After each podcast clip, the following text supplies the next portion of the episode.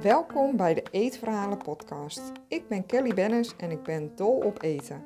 In mijn podcast deel ik verhalen over lekker eten, vooral in Servië, en ik laat je de kant achter eten zien, de psychologie van eten.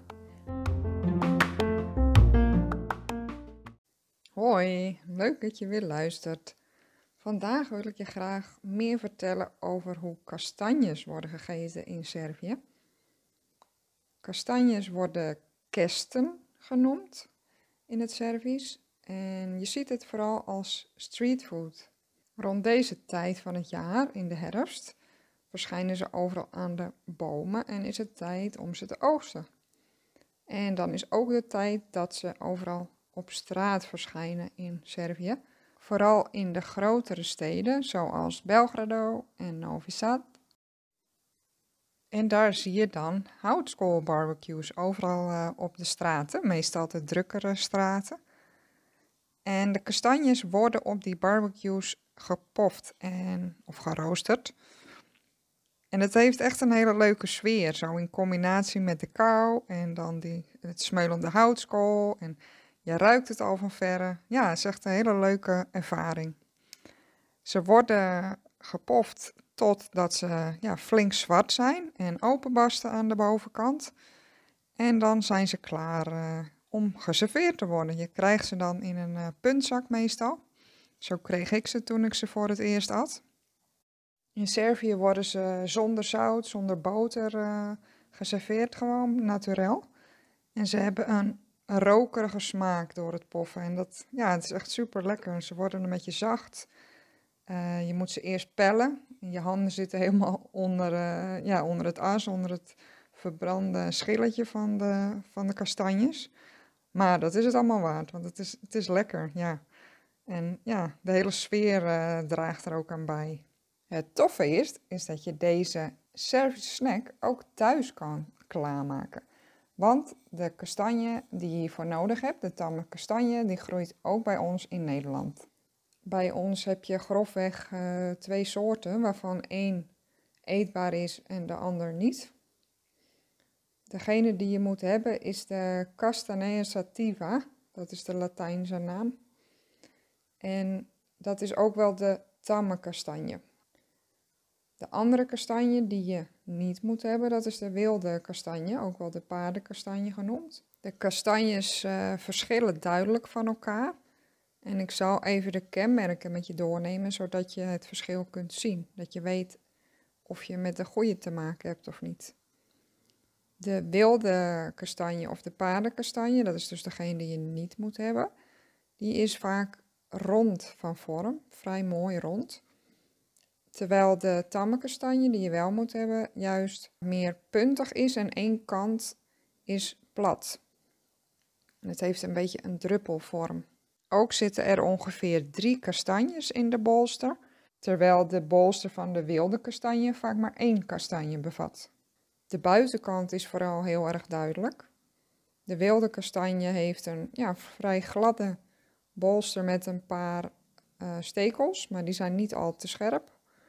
Of eigenlijk niet scherp als je het vergelijkt met de tamme kastanje. Die helemaal vol met hele dunne stekels zit. Een goede dikke handschoen is dus aan te raden als je ze gaat zoeken. en tot slot ook het blad verschilt. Van de wilde kastanje lopen de bladeren eigenlijk vanuit één middelpunt. En ze zijn wat lichter groen. De tamme kastanje die je dus juist moet hebben, die heeft veel donkere groene bladeren. Vaak ook glanzend. En die hebben scherpere tanden. En deze bladeren zitten meer als ja, op een rijtje aan één takje. In plaats van ja, zo'n soort hand die je hebt bij de, bij de wilde paardenkastanje. Dus best wel veel verschillen waar je op kunt letten. Waarvan de scherpe stekels eigenlijk het duidelijkste verschil zijn. En ook de kastanje zelf, hoe die eruit ziet. Waar je verder op kunt letten als je de kastanjes gaat rapen, is dat ze ja, gaaf zijn. Dat ze er nog mooi uitzien, dat er geen gaatjes in zitten. Het heeft geen zin om deze mee te nemen, want die zijn al aangevreten door insecten. En die zijn vaak ja, droog en ja, niet lekker. En een tweede testje wat je kan doen als je thuis bent, dan doe je de kastanjes in een kom met water en degene die gaan drijven, die zijn niet goed meer. Doordat ze dus aangetast zijn, gaan ze drijven. Als je niet weet waar je deze boom kunt vinden, je vindt ze vaak in bossen of toch op het straatbeeld ook, of misschien bij iemand in de tuin kun je het vragen als je hem daar ziet staan. Mocht je niet uh, een boom kunnen vinden, dan kan je altijd op wildplukwijzer.nl kijken. Daar kun je scrollen naar tamme kastanje en dan krijg je alle plaatsen in Nederland uh, ja, die mensen hebben doorgegeven, zodat je weet waar je tamme kastanje kunt vinden. Een laatste alternatief is nog dat je ze bij uh, diverse buitenlandse supermarkten, zoals een Turkse supermarkt, ook vers kunt kopen rondom deze tijd van het jaar. Dus dan liggen ze gewoon daar uh, en kun je er een aantal kopen. Maar het is natuurlijk toch wel heel leuk als je het in het wild kan, uh, kan vinden. Het is gewoon een leuke activiteit om ze ja, te zoeken en mee te nemen. Ja, dan zijn we bij het bereiden aangekomen. Je kan ze eventueel even wassen, maar degene die eigenlijk een beetje ja, modderig zijn, die zijn vaak toch al aangetast. Want als de bolster nog dicht zit, dan blijven ze vaak ook wel mooi beschermd. Als je de kastanjes uit hun bolster hebt gehaald, is het heel verstandig om ze ja, kruislings in te kerven aan de bovenkant bij het witte pluimpje met een uh, scherp mes. Wellicht kan je hem even op een snijplank zetten, omdat anders, uh, ja, de kastanje is vrij glad, zodat hij niet uit je handen schiet. En hij, en hij is ook hard, dus om te voorkomen dat je in je vinger snijdt. En je kerft hem eigenlijk in om te voorkomen dat hij uh, echt ontploft, want er zit wat vocht in de kastanje en bij het roosteren wil dat ontsnappen. En ja, dat wil je voorkomen dat hij uh, ja, op de barbecue ontploft of in je oven. Dat zijn dus ook meteen de eerste twee opties hoe je hem zou kunnen bereiden. Als je hem bereidt zoals in Servië, dan kun je een houtskool uh, ja, barbecue maken en ze daarop roosteren. In Servië doen ze dat uh, totdat ze zwart zijn. Het kan ook dat je even kijkt of hij is opengebarsten en of het, uh, je kan je er eentje proberen of het zacht genoeg is en naar je smaak. Het kan ook echt een hele leuke weekendactiviteit zijn. Dat je lekker een wandeling gaat maken, dat je de kastanjes gaat zoeken, meeneemt en dan thuis lekker uh, gaat roosteren op de barbecue buiten. Super, uh, super leuk om te doen. Met z'n tweetjes of met vrienden. Ja, is heel gezellig. En dan kun je ze daarna lekker opeten. Je kunt ze ook als alternatief roosteren in de oven. Ook dan kerf je ze weer in. Dat doe je eigenlijk uh, bij alle bereidingen, zodat je ze makkelijk kunt schillen ook, naast het uh, veiligheidsaspect wat ik net besprak. En dat kun je doen op 200 graden. Probeer het eerst voor een minuut of uh, eh, 15 tot 20, tot je ze kunt pellen. probeer er eentje of het zacht genoeg is naar je smaak. En anders kan je het eventueel langer roosteren. Wij eten ze naturel, zoals ze ook eh, op straat in Servië worden gegeten. Daar wordt niks eh, aan toegevoegd. Je krijgt ze dus gewoon geroosterd in de puntzak en dan kun je ze zelf lekker pellen. Dit is niet de enige manier waarop je het kan bereiden. Er zijn natuurlijk een heleboel methoden, maar ik beperk me in deze podcast tot de bereidingswijzen die er in Servië gebruikelijk zijn. Het wordt ook wel gekookt.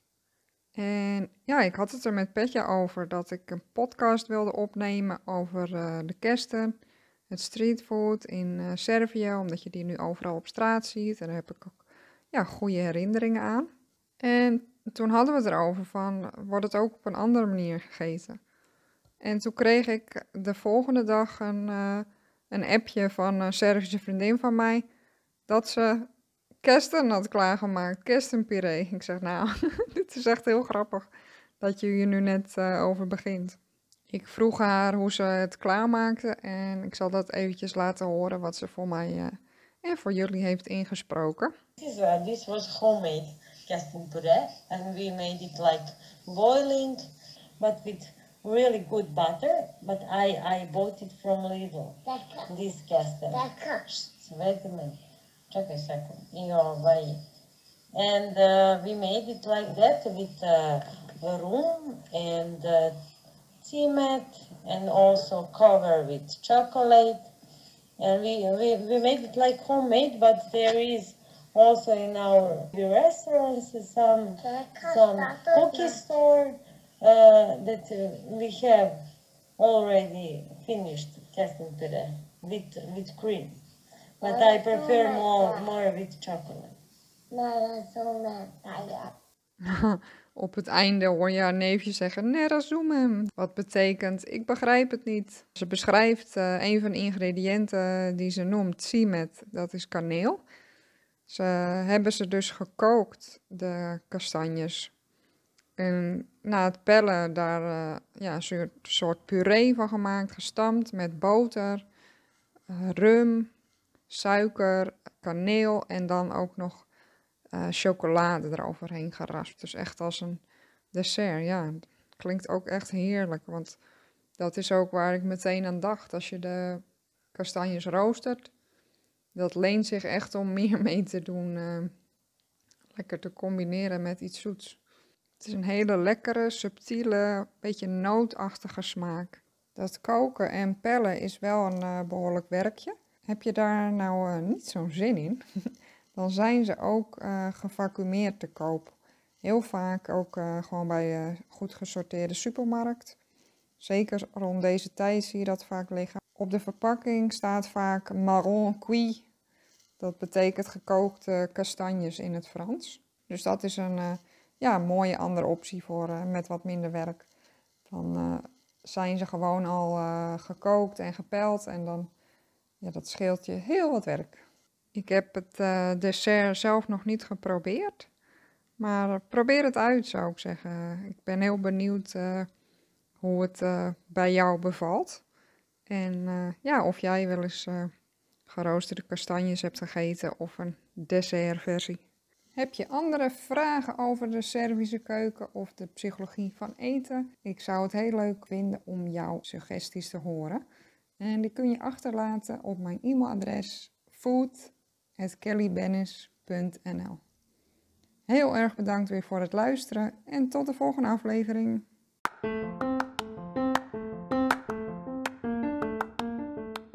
Vond je het leuk om hier naar te luisteren? Of denk je dat het interessant is voor iemand anders? Deel mijn podcast, bijvoorbeeld met een screenshot op Instagram en een tag naar mijn account. Alvast super bedankt. Je kunt me bereiken via kellybennis.nl en daar vind je ook mijn social media kanalen. Heb je een vraag of een verzoek voor een bepaalde aflevering? Laat het me weten. Dat vind ik echt super leuk als jij ook je input geeft. Tot de volgende aflevering.